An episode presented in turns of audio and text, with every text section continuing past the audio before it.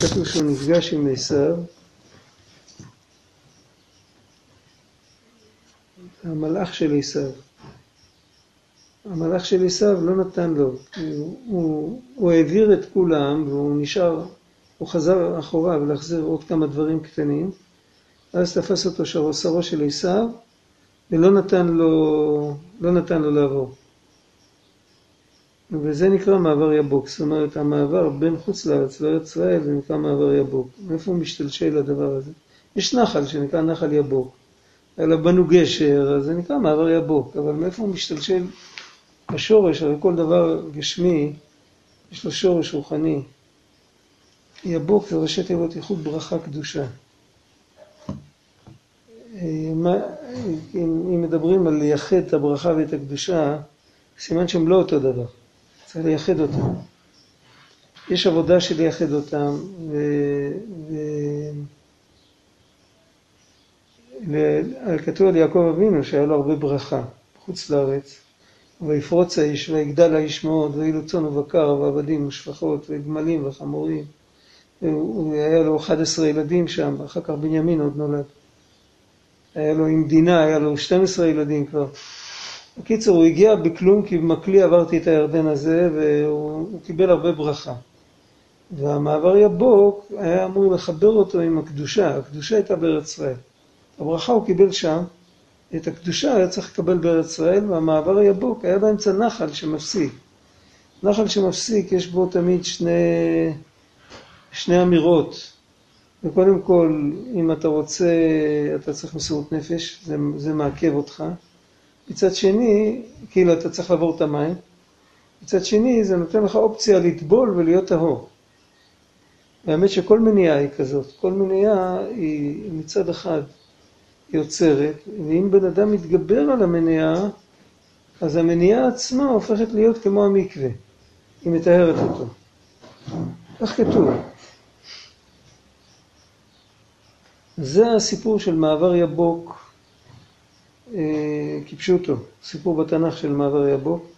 ייחוד ברכה וקדושה זה גם, זה גם פרק בעבודת השם. יש, הקדושה זה כמו ארץ ישראל, אבל אנחנו עוד לא בקדושה, זה כמו שאנחנו בחוץ לארץ ויש את ארץ ישראל, אנחנו צריכים להגיע לקדושה.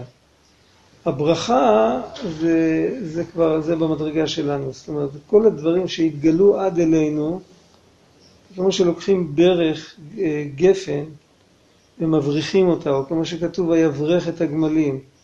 להבריך זה להוריד, להבריך גפן זה לכופף ענף לקרקע ולהוריד. אם יש ברכה, סימן שירד שפע מלמעלה והגיע עד לעולם האנושי, זה נקרא ברכה. קדושה זה תמיד תנועה הפוכה, קדושה זה, זה כמו, כמו בתור אבב, בקיא ברצו, בקיא בשוב. הקדושה זה כמו בקיא ברצו, הברכה זה כמו בקיא בשוב. כמו, לא בדיוק אותו דבר. עכשיו, הייחוד של הברכה וקדושה, גם בתורה ו' רבנו מדבר על בקיא, שזה אותיות יבוק. ייחוד ברכה וקדושה. זה ייחוד של שתי שמות, זה יכול להיות שם הוויה ושם אלוקים, כמה זה ביחד? כמה? 91. 91. שם הוויה ושם אלוקים. כמה זה שם אלוקים?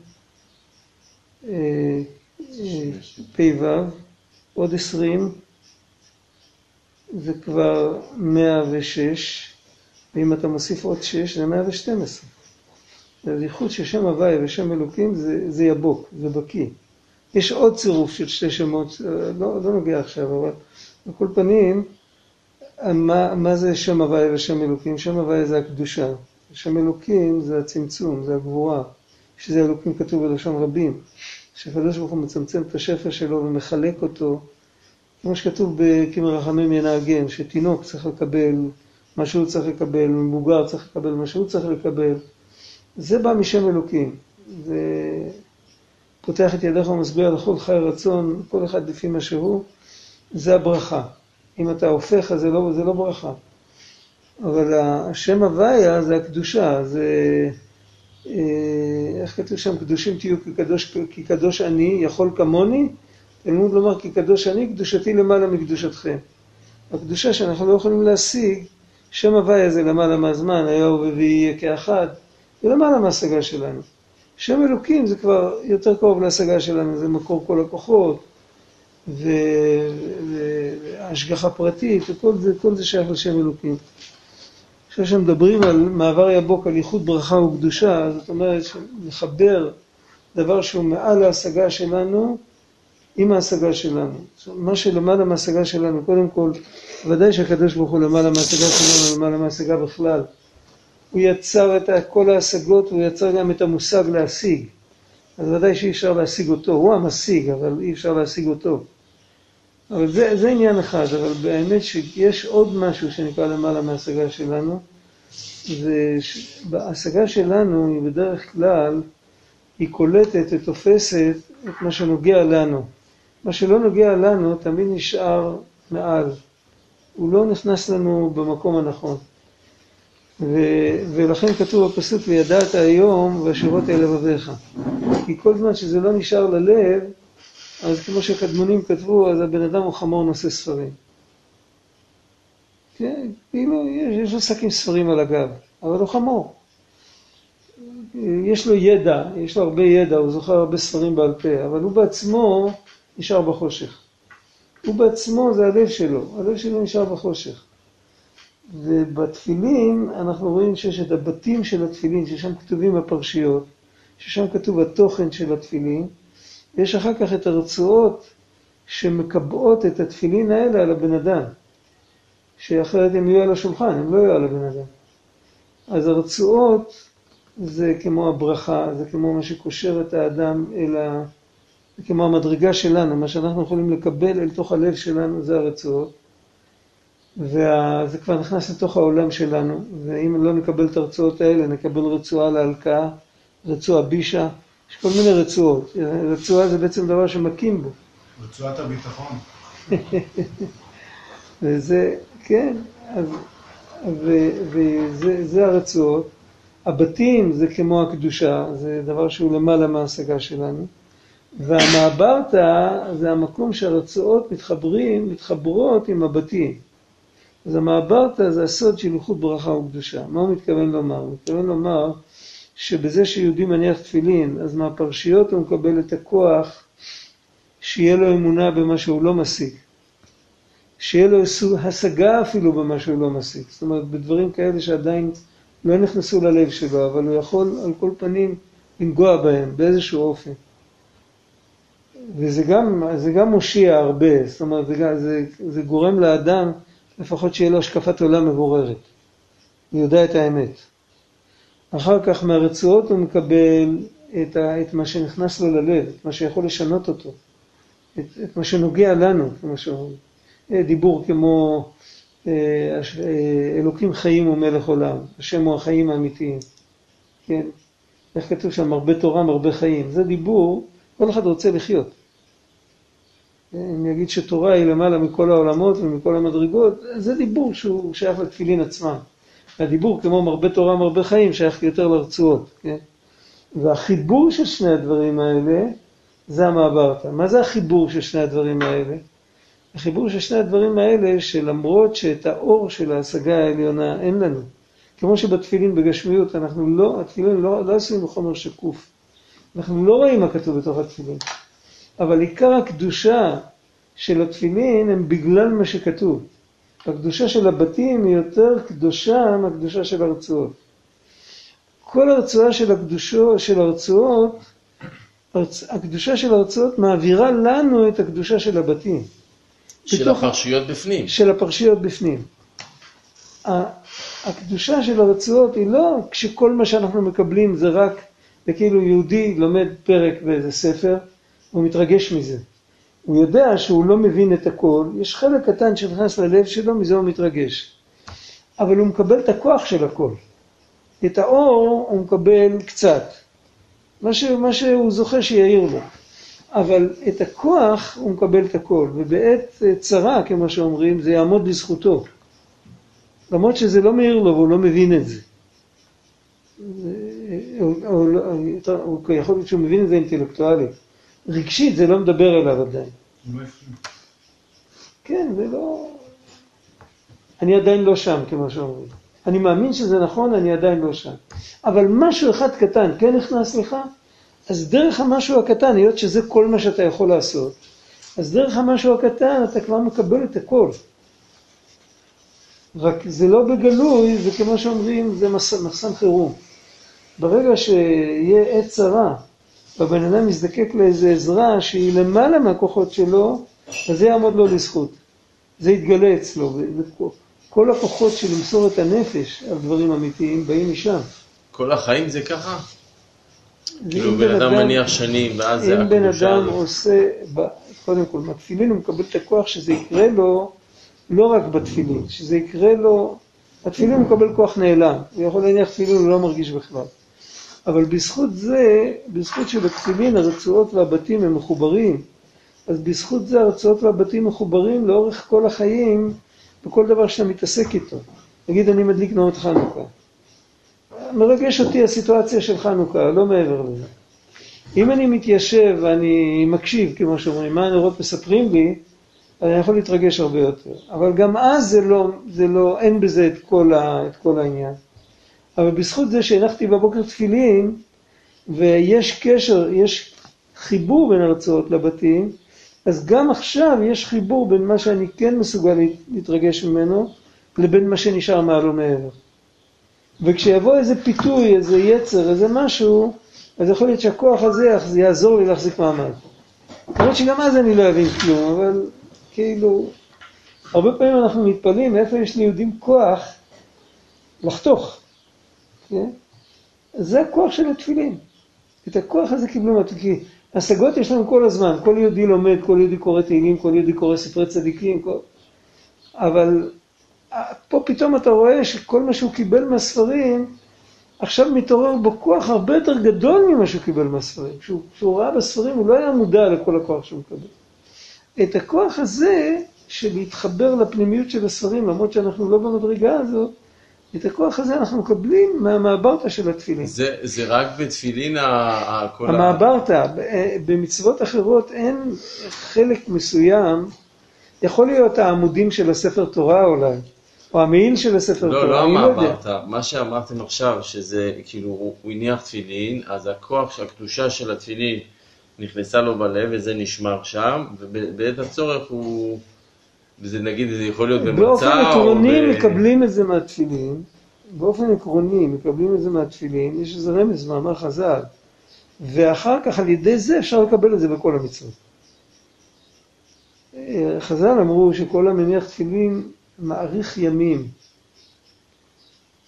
לא כל מי שמניח תפילין מאריך ימים. אריזה להניח תפילין ונפטר בגיל 38 וחצי. אז בדרך כלל מסבירים את זה, הוא מעריך כל יום ויום, הוא יותר ארוך אצלו. הוא מוצא בתוך היום יותר ממה שמישהו אחר מוצא, שלא מניח. אז למה זה כתוב בלשון מעריך? יכול לכתוב כרגע לשון מעמיק או מרחיב, למה דווקא? במעריך יש רמז של ערך אפיים.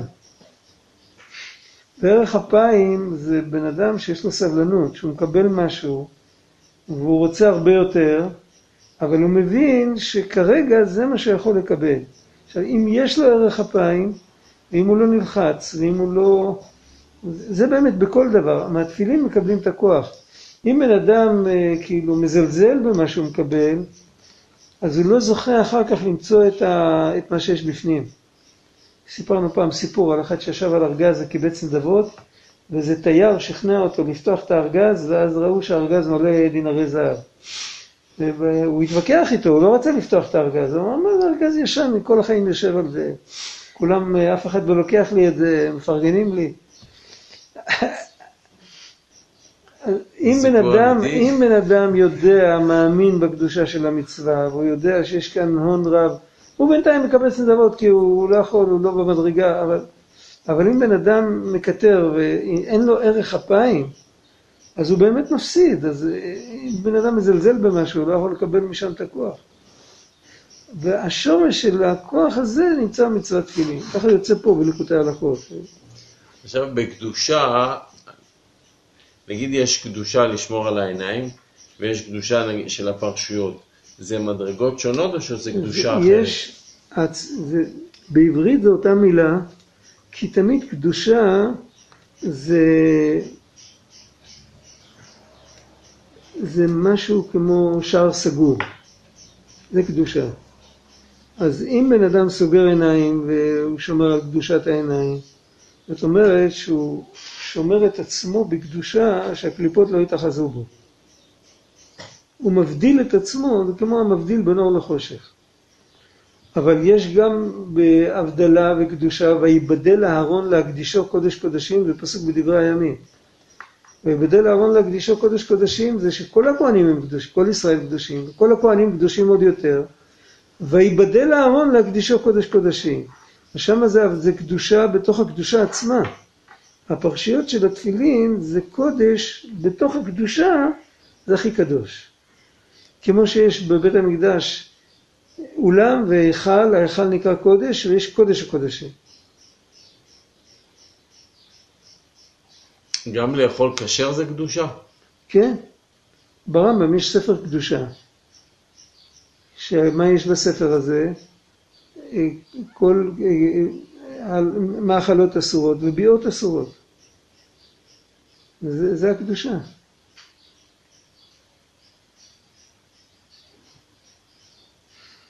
כמובן בכוונות, העניין הזה של מעבר יבוק, כי הרצועות הן מבחינת המשכת המוחים של התפילין.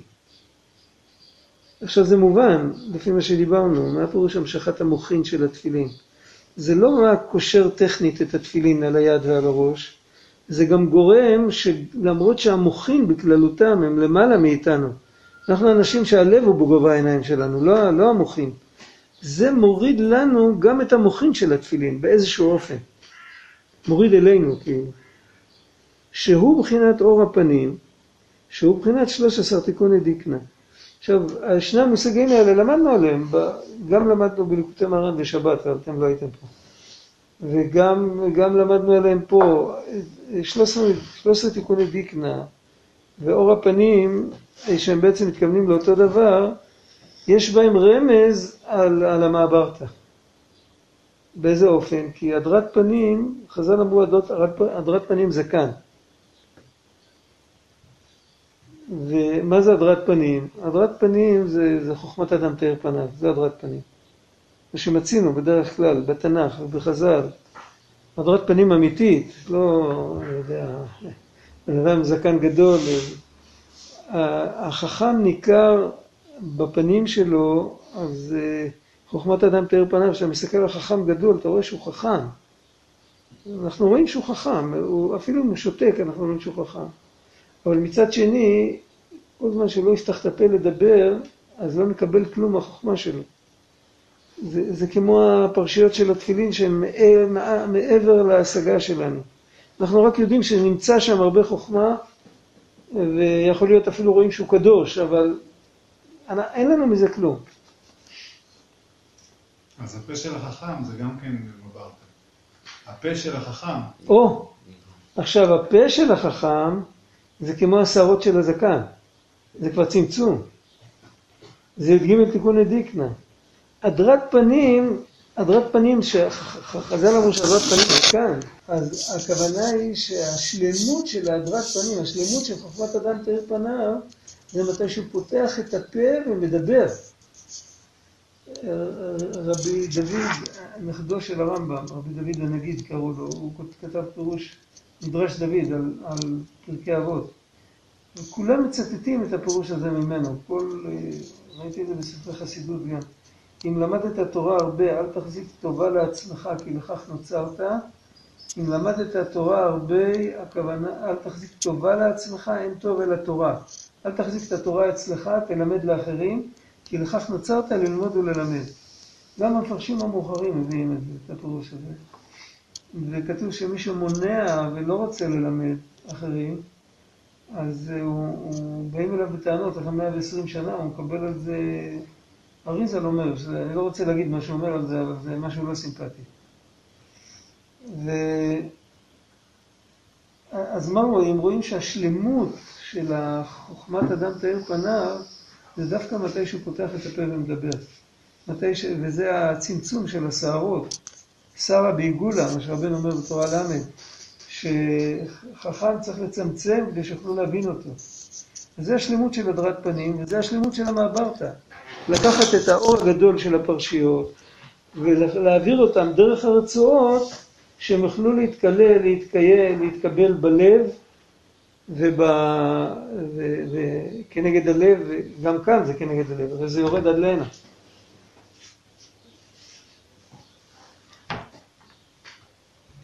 עכשיו, אפשר להשליך את זה, יש בזה, כל, ה, כל מה שדיברנו עכשיו, יש זה בשתי צורות. יש צורה אחת, יש את זה בחברה, וצורה אחרת יש את זה ב, בכל אדם בעצמו. ובכל אדם בעצמו זה פחות או יותר מה שדיברנו. זאת אומרת, אנחנו צריכים ללכת בתמימות. כתוב, ידעת היום בשבועות האלה אוהביך, אנחנו צריכים להשתדל לדעת ולהוריד את זה ללב. כל דבר שלומדים, כתוב באיגרת הרמב"ן, תחשוב מה אתה יכול לקיים. וכדי לקיים, אז צריך איכשהו באיזשהו אופן להתרגש מזה. אם זה לא מרגש אותי, אז אני לא רוצה לקיים את זה. זה אופן אחד. אופן שני זה בחברה. כל עם ישראל ביחד זה כמו ראש, כמו מוח, כמו חוכמת אדם תאר פניו, ויש הרבה שהם כמו כל מיני, כל, בכל מיני דרגות. אחד לב, אחד יד, אחד, כל אחד.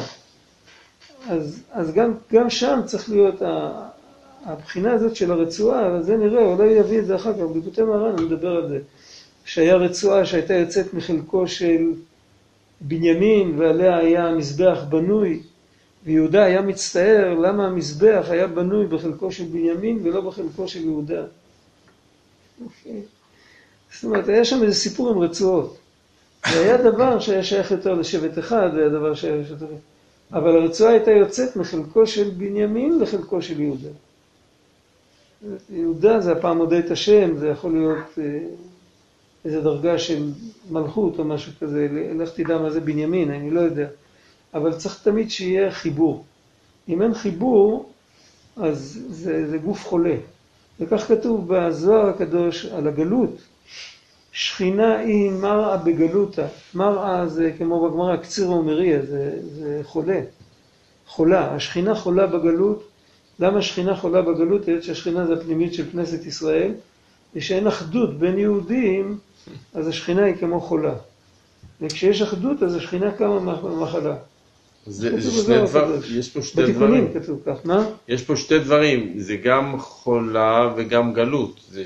הגלות עצמה, הגלות, היא לא רק משהו חיצוני, זה לא רק אה, כאילו ששלטון עם זר וכל זה, אלא זה, זה, משהו, זה משהו פנימי. יש איזה קלקול בעם ישראל, שבגלל הקלקול הזה, כל הגויים יכולים לשלוט עליו. והקלקול הזה הוא המחלה. אז בחיצוניות רואים גלות, ובפנימיות יש קלקול. והקלקול הזה זה שנאת חינם, פירוד לבבות, אה, כאילו, להסתכל על הצבע של הכיפה, כל מיני שטויות כאלה.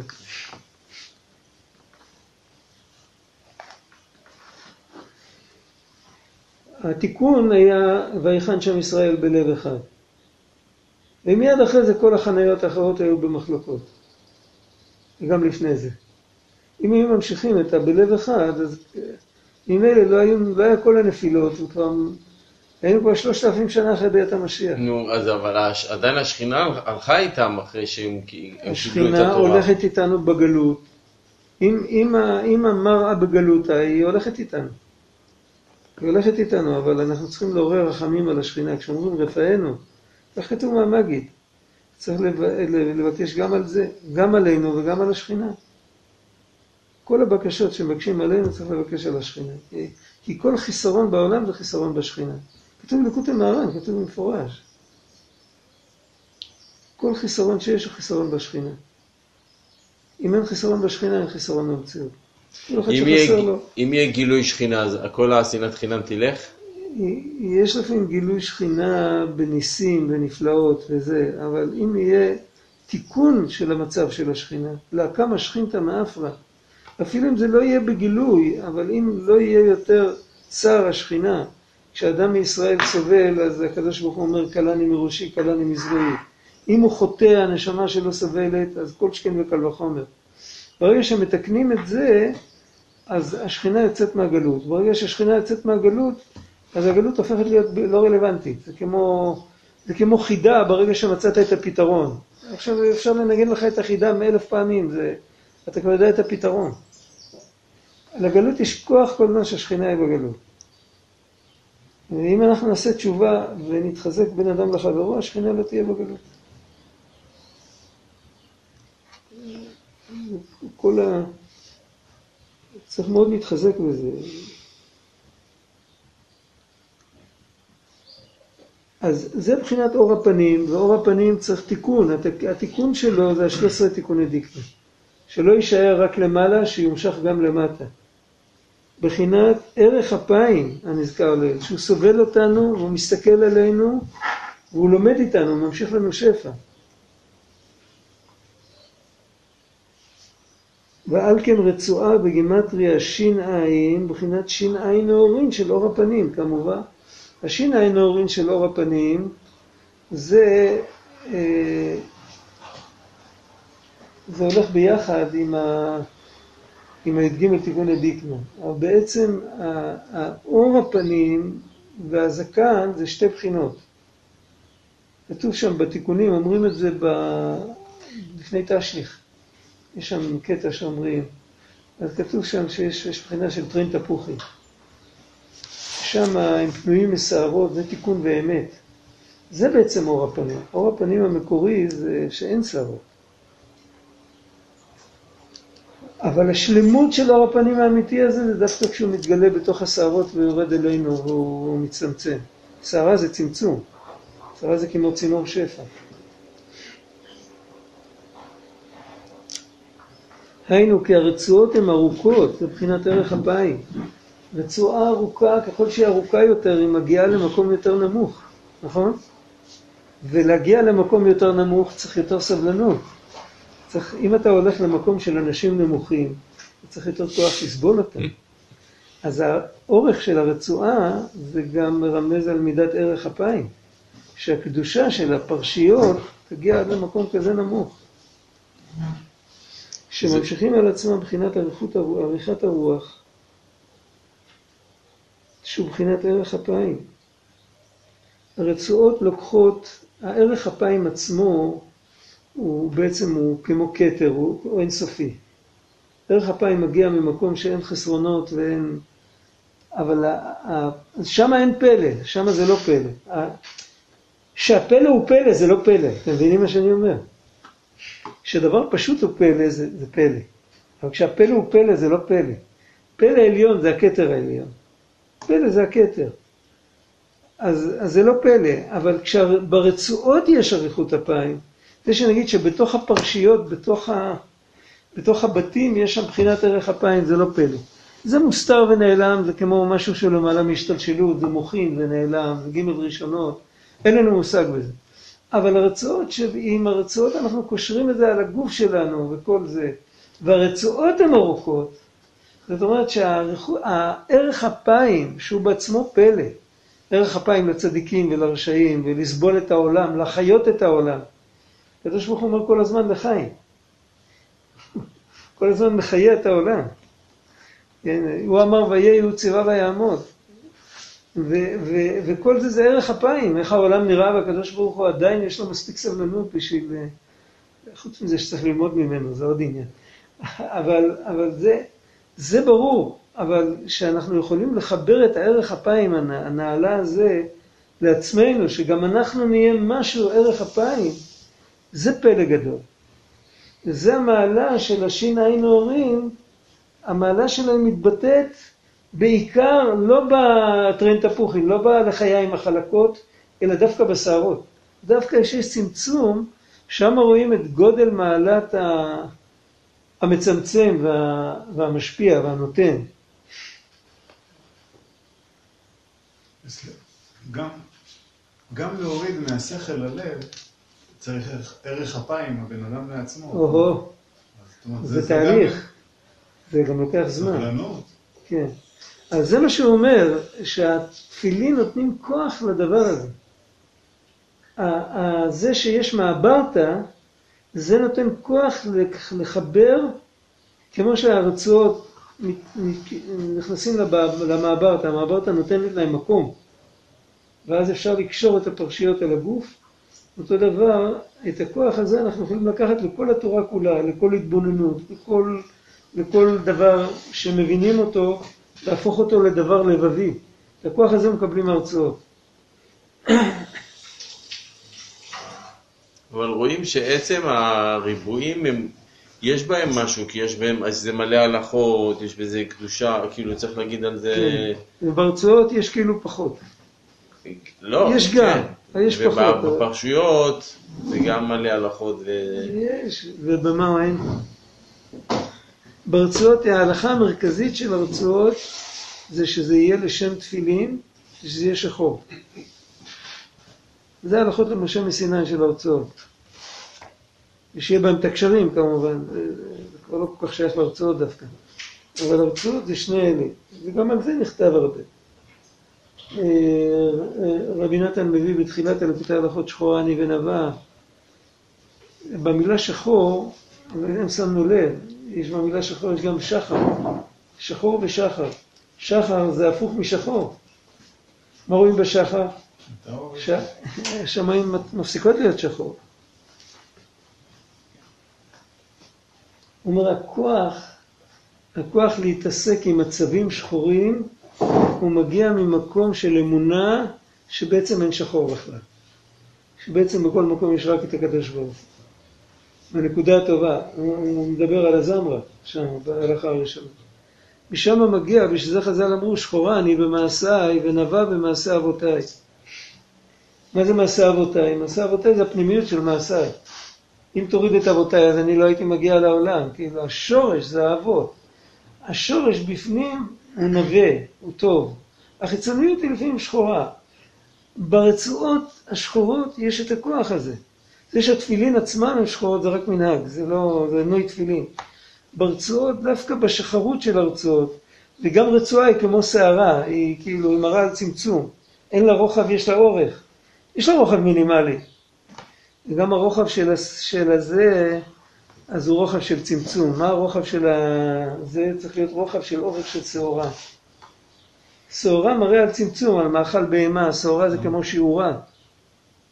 הכל מדובר על צמצום, ודווקא זה מה שעושה את העבודה, מה שבלי זה אין תפילין. אם התפילין על השולחן אין שום, אין שום מצווה בהם. או אם ישימו אותם על הקיר, אה, כמו הקראים, לתלות אותם, להסתכל עליהם. לא, לא הקראים, הקראים עושים את זה על ציצית. תולים את זה על הקיר.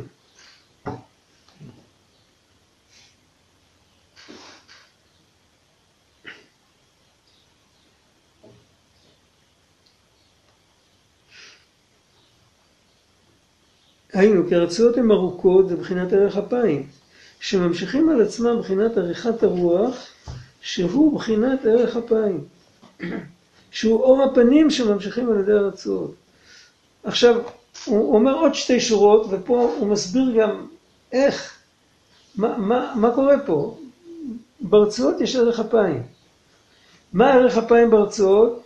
שיש לי סבלנות, יום אחד יתגלה לי גם משהו מעל ומעבר. אבל מאיפה יש ברצועות כוח להיות ערך אפיים?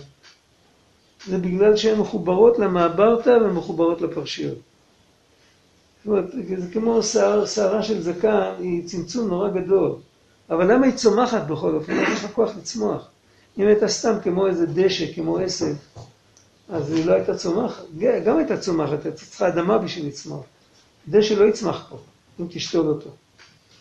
ו- ו- ולמה זה צומח? כי יש בזה חיות. יש בזה חיות, ואם אני רואה שזה ארוך, סימן שזה הרבה חיות. והחיות היא בגלל שזה מחובר בכל אופן. למרות הכל זה מחובר. למרות שזה כל כך מצומצם. זאת אומרת, הרצועה נושאת בתוכה את הכוח של הפרשיות. ועל ידי זה נמתק ונתבטל מבחינת רצועה בישה. זה עוד הבדל בין הפרשיות לבין הרצועות, שמדובר על הפרשיות, אז לא מדברים על פרשייה טובה ועל פרשייה רעה. כשמדובר על הרצועות, אז אומרים שהכוח של הרצועות של התפילין מבטל את הרצועה בישה. כי הרצועות יורדים אל תוך העולם שלנו, אל תוך הבחירה שלנו. בעולם שלנו יש טוב ורע.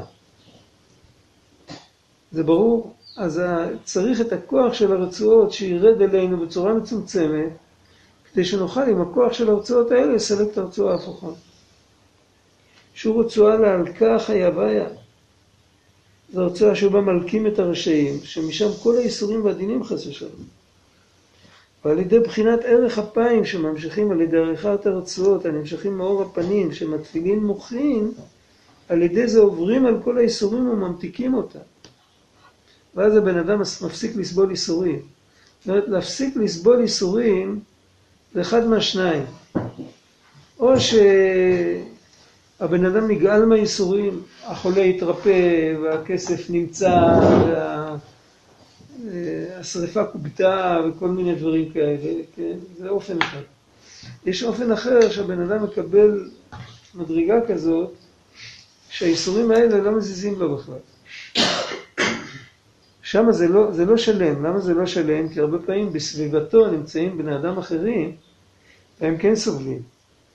אז הוא סובל בסבל שלהם. יש לזה הרבה סיפורים. אני מדבר על זה באחד מהספרים. שרבנו אמר שאם אם, אם ה... איך הוא אמר? הייתה שריפה בעיר, זה יצא החוצה, הוא אמר שלא יכול להיות בעיר. למה? כי כולם עצובים, והוא שמח. למה הוא שמח? כי גם הבית שלו נשרף. צריך לקבל איסורים בשמחה.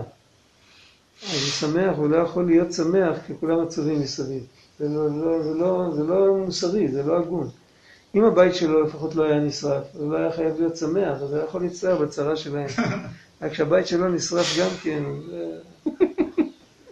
זה... נשמע מצחיק, אבל זה רק מראה את המורכבות של בן אדם גדול, שהוא במדרגה מאוד עליונה, ובכלל כל הקריטריונים אצלו לייסורים ולזה, זה לא התחושות של הגוף או התחושות של כל מיני דברים כאלה, אלא הוא חי במישור אחר לגמרי, עד כדי כך שזה לא אכפת לו.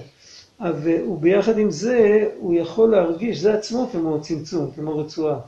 הוא יכול להרגיש את כל אחד ואחד בסביבה שלו, ולהרגיש את הצער שלו, וזה יהיה אכפת לו בדיוק כמו הצער של עצמו. זה, זה מאוד מורכב. אבל על כל פנים... אבל אה, כל יהודי פשוט חייב לקבל את האיסורים באהבה ובשמחה. חייב לקבל, בסדר, אבל ב... נו, אז עכשיו זה יש שהוא... עבודה, אתה יודע, תקשיב טוב, יש עבודה שבן אדם צריך לעבוד כל החיים שלו. אנחנו לא עושים את זה מספיק, אני מודה ומתוודה, אנחנו לא עושים את זה מספיק, כולנו, ממש. יש עבודה מיוחדת, כמו שעובדים על כל מידה, הרבן אומר בתורה נ"ב, צריך לבקש על כל מידה לחוד וזה. יש, את ה- המפגש שלנו עם הפתעות הוא מפגש לא מתוקן. כשמשהו מפתיע אותנו, אנחנו מאבדים עשתונות, נכון? עובדה. כל הבלגנים, איך, איך בן אדם עושה תאונות דרכים? כי הוא מופתע. נכון? ותאונת דרכים זה, זה גם, יש לזה גם משמעות רוחנית. כל בן אדם הוא כל החיים בדרך. בעצם כל יום צריך לומר תפילת הדרך. בלי שם המלכות. אנחנו כל הזמן בדרך. תסתכלו בתוכן של תפילת הדרך. זה מתאים לכל החיים, לגמרי, מבחינה רוחנית. ואנחנו עושים הרבה תאונות דרכים. למה? כי אנחנו מופתעים. אם אני יודע מראש, משה קרמר אמר את זה פעם, אני כבר לא זוכר בקשר, בקשר למה הוא אמר את זה. נדמה לי ששמעתי את זה ממנו, אולי ממישהו אחר, אני לא יודע. מה, נגיד שהיה בא אליך בבוקר איזה יהודי והיה אומר, אה, ב-10 בבוקר היה קורה איתך כך וכך, ב-11 היה קורה לך כך וכך, יקרה לך כך וכך. כל מיני דברים מרגיזים, ופוצ'ר טהורה תקוע בלי דלק מול כפר ערבי, פה היה לך פאנצ'ר, פה היה לך זה, פה... הקיצר, כל הדברים הכי הזויים שבעולם. בכל אופן, הבן אדם שזה יקרה לו יהיה הרבה יותר רגוע אך ורק בגלל דבר אחד, כי זה לא הפתיע אותו. הדבר הזה שמראים, אם זה בא עם הפתעה ביחד, זה לא נסבל. כשזה בלי הפתעה. עכשיו, אנחנו צריכים לעבוד על זה ששום דבר לא יוכל להפתיע אותנו. כל תורה נ"ד וכל תורה א', וכל, בעצם כל הליקוטי מהר"ן, הוא בעצם מנסה לחנך אותנו אנחנו לא משתפים פעולה, זה נשאר בגדר ניסיון. אם היינו משתפים פעולה כמו שצריך, אם היינו מתבודדים כמו שצריך, אז בעצם שום דבר לא יכול להפתיע אותנו. מה הבעיה פה שזה מפתיע אותי? מה, מה זה, מה זה, למה זה כשמשהו מפריע לי? מפתיע אותי, אני מאבד עשתונות ואני מגיב לא נכון. לא, למה זה מפריע לי שזה, שזה זה לא, באף אני לא יודע. זה אולי בגלל הישות, אולי בגלל הגאווה, אולי בגלל... למה, למה הלכו לי מאחורי הגב? למה לא יכלו להגיד לי קודם? מקובעות. למה לא הודעת לי שאתה לא תגיע? היית, היית, היית שולח לי אס.אם.אס שלא תגיע, אפילו שכבר הייתי באוטובוס, אבל הייתי מוכן. ישבתי והתבאסתי וחיכיתי לך. אתה מכיר דבר כזה? אבל גם לצד השני, ההפתעה נותנת לנו את- הטעם החיים כשזה לצד הטוב.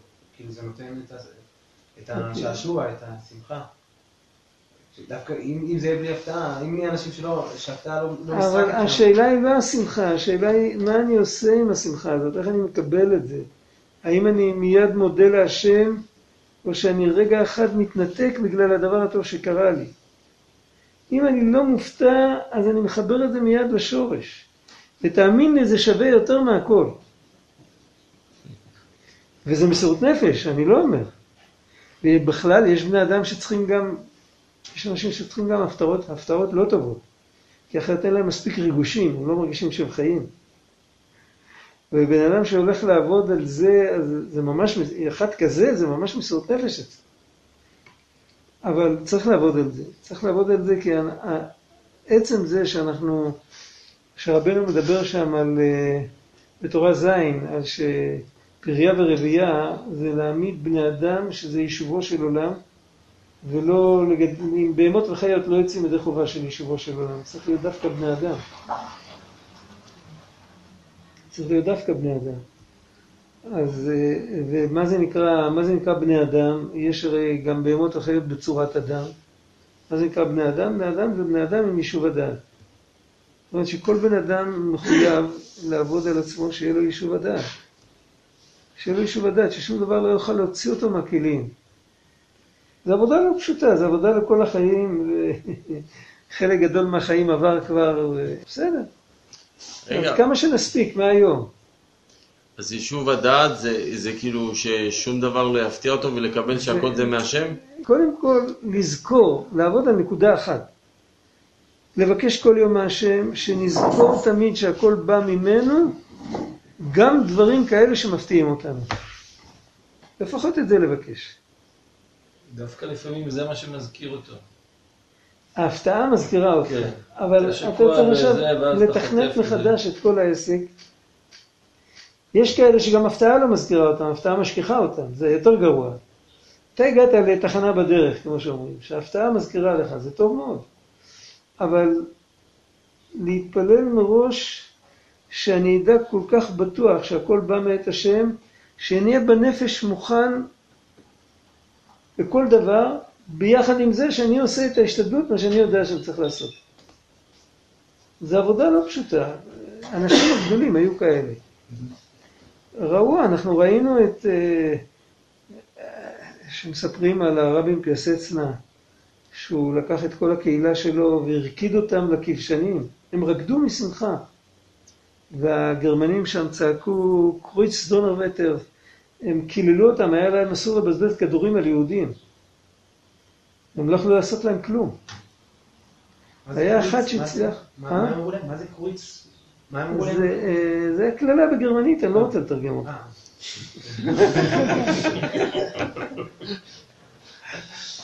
והיה אחד שהצליח לברוח, אני לא יודע, זה היה נס גמור, והוא סיפר את זה, זה סיפור מתועד אה, לגמרי, כאילו, הוא דיבר איתם ואמר להם שצריכים לברך על קידוש השם, הולכים למות עכשיו, צריך להגיד ברכה, המקדש את שמו ברבים, וצריך לשמוח וצריך לרקוד, והם רקדו, הוא הצליח להלהיב אותם. הרבה מסרו את נפשם, אבל הגרמנים נכנסו לריגה, היו שם אה, יהודים כולם, הכניסו את כל היהודים לבית הכנסת ושרפו את הבית הכנסת מבחוץ. נעלו את השערים של הברזל ו... והיו יהודים בפנים, היו שלושה יהודים גדולים שהם עלו על המדרגות של ארון קודש, שמו יד על הכתף יתחילו לרקוד ניגון של שמחת תורה. זה, זה גם סיפר מישהו שהצליח איכשהו בתוך כל הבלגן אה, להרים רגליים ולברוח. יכול להיות שבזכות זה הם נשארו בחיים, כדי שהסיפורים יגיעו אלינו. יודעים את השמות של היהודים האלה, יודעים בדיוק מי זה היה. מה זה, זה, זה, זה, זה, זה. זה דווקא יפה המוזיקה, לא מפריע. יכולת להשאיר את זה בעצם, היה מגוון קצת. זה הפתעה עכשיו, לא? מה, זה היה הפתעה? אני לא יודע. אולי?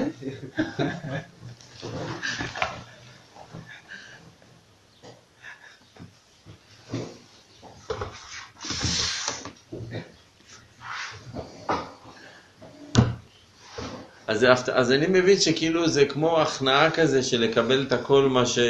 נכון, נכון, אבל שההכנעה תגיע, מה הבעיה בהפתעה? בהפתעה, ההפתעה, אתה פתאום, כל המערכות נסגרות וקופץ לך מבפנים איזה משהו שאין לך שליטה עליו. אם, זה כמו בחלום, יש לך שליטה על מה שתחלום? אין לך. רבי צדוק כותב בקטעים הראשונים של צדקת הצדיק, שיש צדיקים שהם ביררו את הנקודה בפנים, שגם לחלום יחלמו רק דברים טובים, לא יחלמו דברים לא טובים.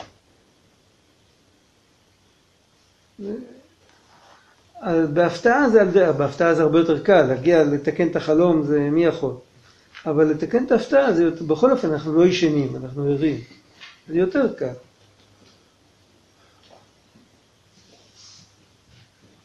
זה, זה העומק של אריכות אפיים, ששום דבר לא, לא מבלבל אותנו. לא אכפת לו שום דבר, זה הרב- הראשון של רבנו, לא אכפת לי. זו הסיבה שמניחים תפילין כל החיים, כי זה עבודה לכל החיים. מחילה הרב גל, לא הבנתי. הרי יש מיליון מצבים שיכולים להפתיע אותנו.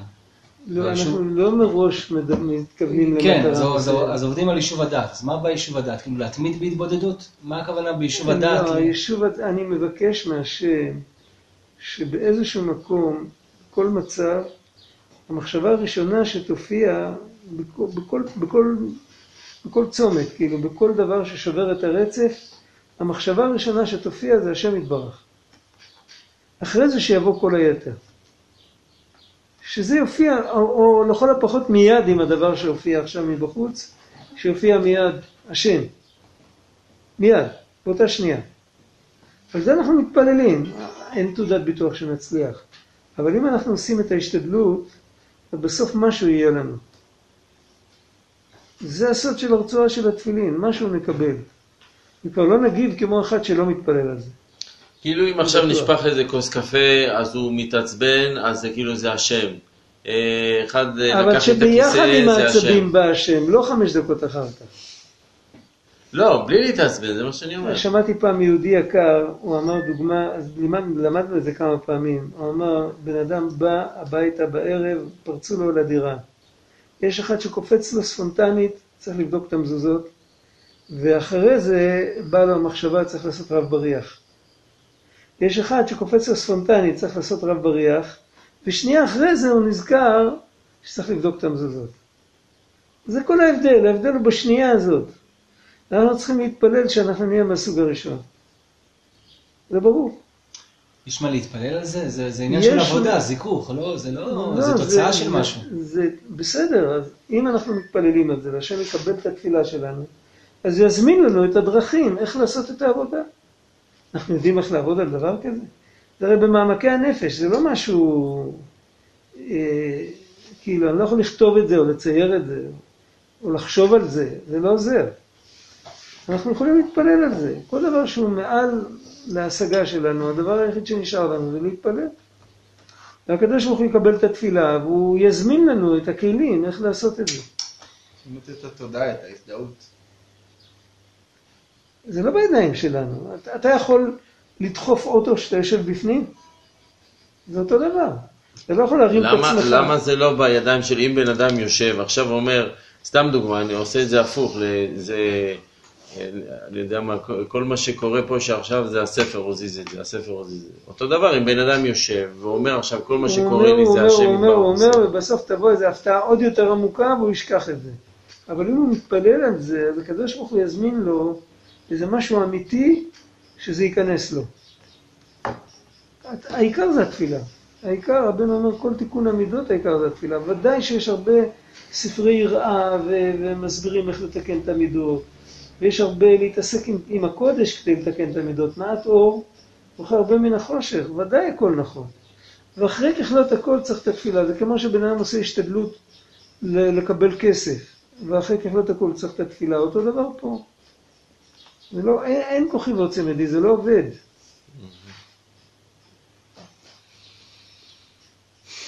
אז על ידי זה עוברים על כל האיסורים, ממתיקים אותם, אפילו על דברים כאלה שבאים בסטרץ' כאילו. אז גם כן, זה... הכל נהיה מתוק. ואין להם כוח לבטל ולמנוע מעבודת הבורא יתברך. כי זוכים מבחינת עריכת אפיים הנ"ל, היינו להעריך רוחו על כל דבר, ולא תקצר רוחו משום איסורים ומניעות שבעולם כלל. רק הוא עושה את שלו, הוא עוסק בתורה ועבודה וכולו, כנזכר לעיל, עד שהוא זוכה לעבור עליהם ולבטלם. כי על ידי בחינת עריכת אפיים, שאינו מסתכל עליהם כלל, על ידי זה מתבטלים ממילא.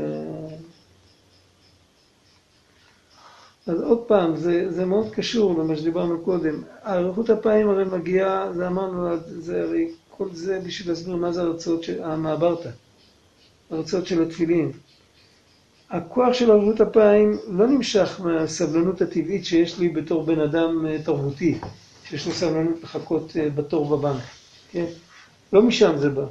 אריכות אפיים האמיתית נמשך מהכתר, הוא נמשך מאיזה מקום נעלם. אם בן אדם מתפלל, אז הוא מקבל כוח משם להיות ערך אפיים.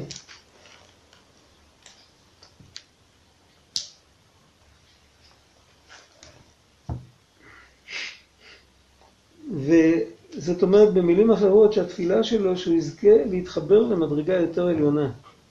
כשהוא זוכה להתפלל למדרגה יותר עליונה, אז הם כולם מתבטלים. כל, ה, כל הדברים האחרים מתבטלים. להפך, כשהוא מנסה לנצח אותם על זה שהוא מנסה להתמודד איתם, אז אה, מכה על מכה, מכה על מכה, כמו שאומרים. אני אמרתי מילה, אתה אמרת מילה. כשאני מתווכח איתך, אני אומר לך שאתה לא צודק, אני נותן לך יותר כוח להתווכח איתי חזרה, להגיד שאני לא צודק. אבל ברגע שבן אדם מתחבר למקום יותר גבוה, יבואו ויגידו לו מה שיגידו לו. אם הוא בדבקות, הוא מחובר למקום יותר גבוה, אז כל אלה שמקטרגים עליו, או שמקטרגים לו באוזן, שמתחילים לדבר על השם ועל משיחו, או מה שלא יהיה, הם מאבדים את הכוח. הם רואים שהבן אדם נמצא פשוט במקום יותר גבוה, וזה לא מגיע אליו. אז, אז גם כאן אותו דבר. ואדרבה, הם, יש עוד סיבה, הוא ממשיך את זה בהמשך, יש עוד סיבה, כל, ה, כל ההפרעות, להפרעות יש מטרה. אני צריך להבין, אנחנו בדרך כלל מחפשים כל דבר את הסיבה. זה לימוד גדול שצריך ללמוד לכל החיים, לדעת. במקום לחפש בכל דבר את הסיבה, לחפש בכל דבר את המטרה.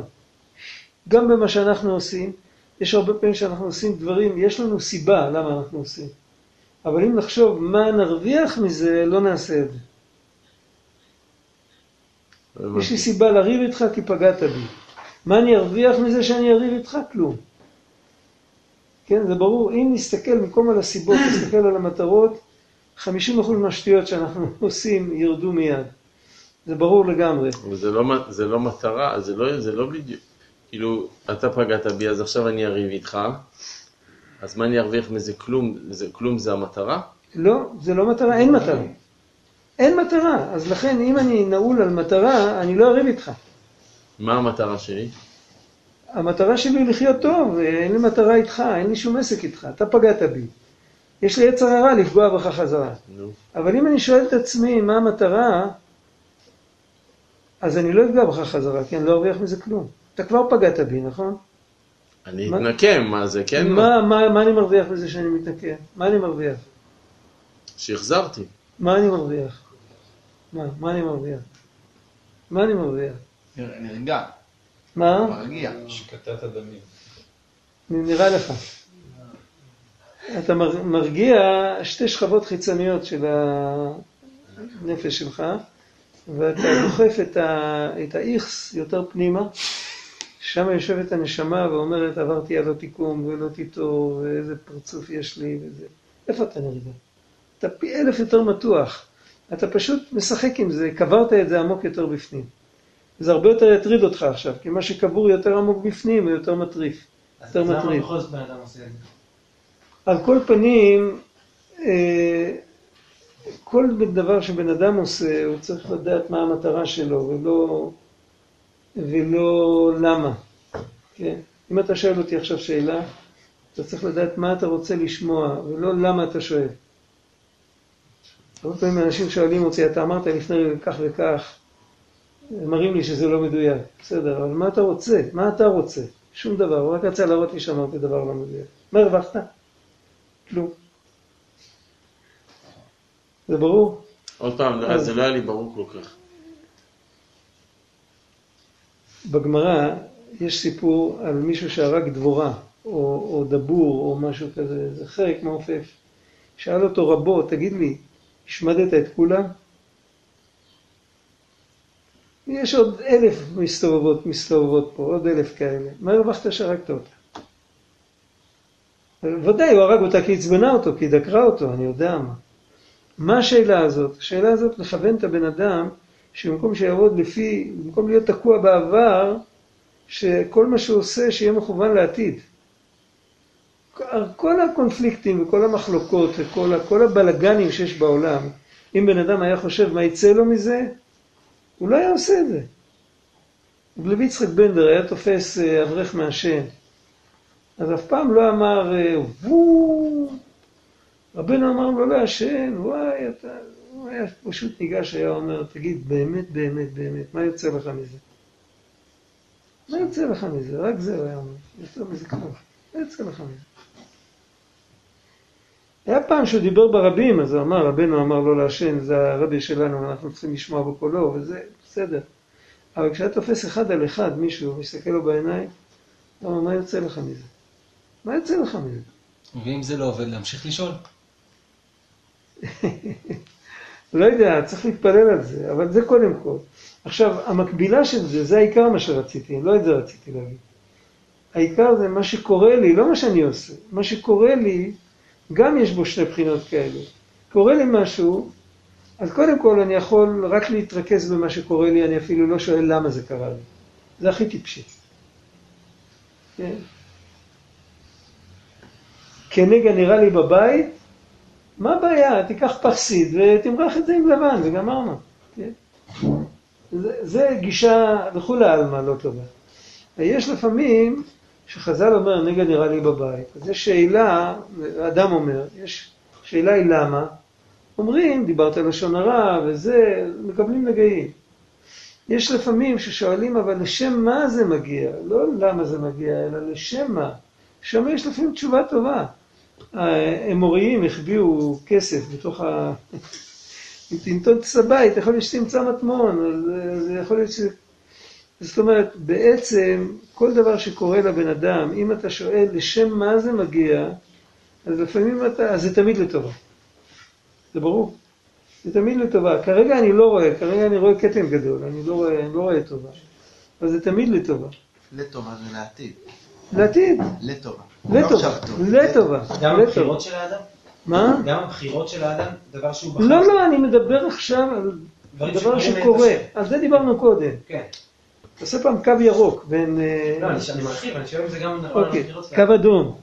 יש דברים שבבחירה, יש דברים שלא בבחירה. אנחנו מדברים כרגע על דברים שלא בבחירה, דברים שקורים לאדם. הדבר הזה שקורה לאדם, אם הוא ישאל את עצמו לשם מה זה קורה, הוא צריך להאמין באמונה שלמה שזה לטובה. עכשיו, אם יש לבן אדם הפרעות בעבודת השם, יש לו הפרעות בעבודה, לא שהוא בוחר בזה, יש לו הפרעות.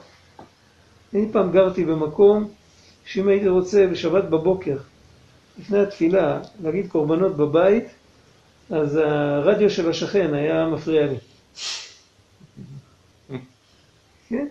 לא יכלתי, לא היה שייך. הייתי צריך לרוץ לבית הכנסת. הבית הכנסת התחילו בהודו. יש לפעמים שיש לך הפרעות, אתה מרגיש שזה בא מבחוץ, כאילו, כל מיני בלאגנים, כל מיני... למה זה? לא למה זה, למה זה? למה זה, למה זה אמור להביא אותי? זה בא, זה בא להביא אותי למקום שאני אעמוד בניסיון ואני לא אשבר מזה. ברגע שאני עומד בניסיון, אני מתרומם קצת יותר גבוה, ואני לא נשבר מזה, אז הוא עשה את התפקיד שלו, אז הוא לא צריך יותר. אז או שהשכן חוזר בתשובה, או שהרדיו מתקלקל, או ש... לא יודע מה. או שאני מוצא דירה אחרת, הכל יכול לקרות פתאום. וברגע ש... ברגע שהדבר הזה גמר את התפקיד שלו, איך היו אומרים אצלנו, או שהפריץ מת, או שהכלב מת. אין נו, אז לזה קיום. אם, יש, אם זה עדיין קיים, סימן שרוצים להביא אותי למקום יותר טוב. נו, אז עכשיו אי אפשר להגיד קורבנות בבית בגלל הרדיו, אז למה זה? אז הולכים לבית הכנסת, אז למה זה? אז. למה זה? מחפשים עניין ספרדי. כן. בסדר, אז- אז למה- למה זה קורה? אז מה התשובה? התשובה היא שבכל אופן להגיד קורבנות ולא להגיד הפריעו לי.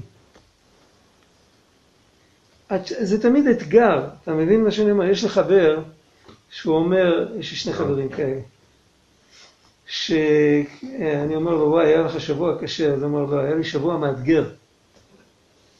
אני יודע מה שעבר עליו, אני אומר לו, היה לך שבוע קשה. אין דברים קשים, יש דברים מאתגרים. ודבר מאתגר זה דבר שבא לקדם אותי. היא כמו מסלול מכשולים. צריך להתפלל. מאוחר. ממש מאוחר.